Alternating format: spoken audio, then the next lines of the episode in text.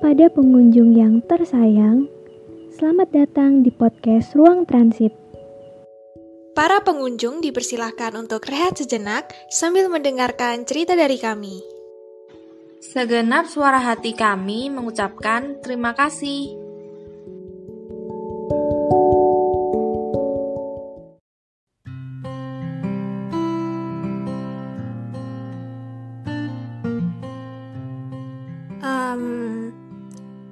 Awalnya bukan dia. Aku pikir enam bulanku bersama yang lain akan menjadi dua tahunku, bahkan entah sampai kapan.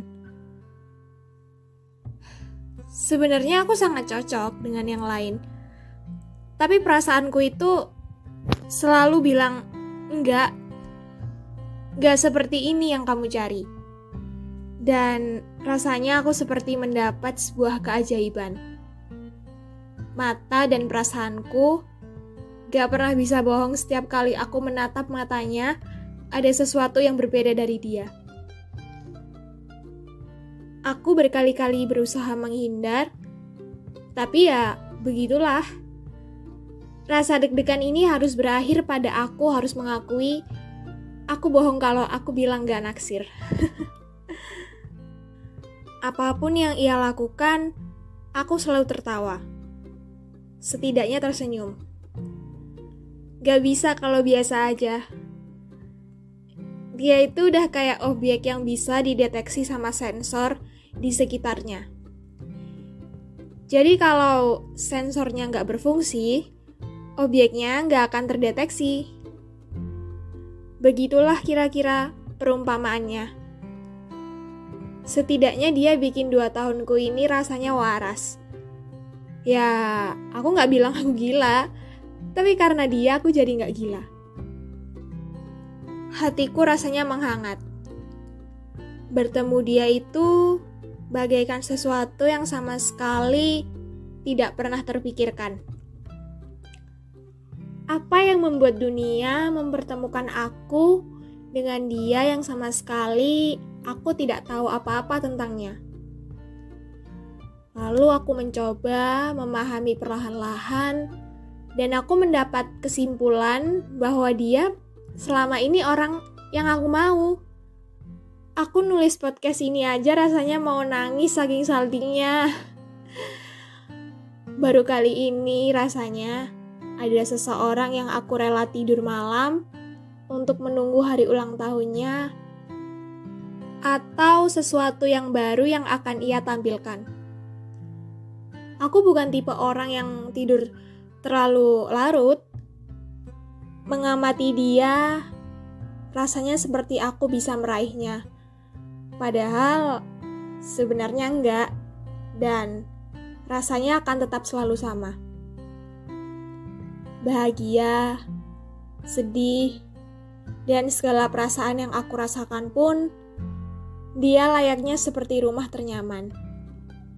Walaupun jauh, tapi wangi ruangan itu masih terasa aromanya. Sejujurnya aku sempat bingung ingin menggambarkan dia sosok yang seperti apa. Karena dia terlalu sempurna di mataku.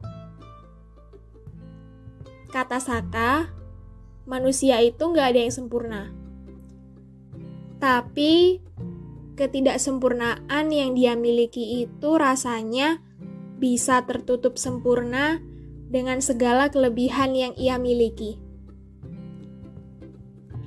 Di sisi lain, aku selalu bergulat dengan hatiku yang terus mengatakan, "Tuhan, kenapa dia di dunia ini hanya ada satu?" Ya, aku tahu dia bukan amuba atau bakteri yang bisa membelah diri. Dia juga manusia biasa, kan? Tatapan matanya, suaranya, gerak-geriknya, apa pun yang ada pada dirinya, dan bersama dia rasanya lebih dari sekedar bahagia. Rasanya seperti menghirup udara di pagi hari, rasanya seperti jatuh cinta setiap hari. Dear biasku, nyebutnya bias atau bias, tapi kamu sosok laki-laki yang paling baik yang pernah aku temui setelah ayahku. Bahkan, aku cuma lihat kamu dari layar, dan kita nggak pernah ketemu. Terima kasih, kamu telah berhasil membuat perasaanku mencair. Dan rasanya, aku ingin mengenalkan kamu pada satu dunia.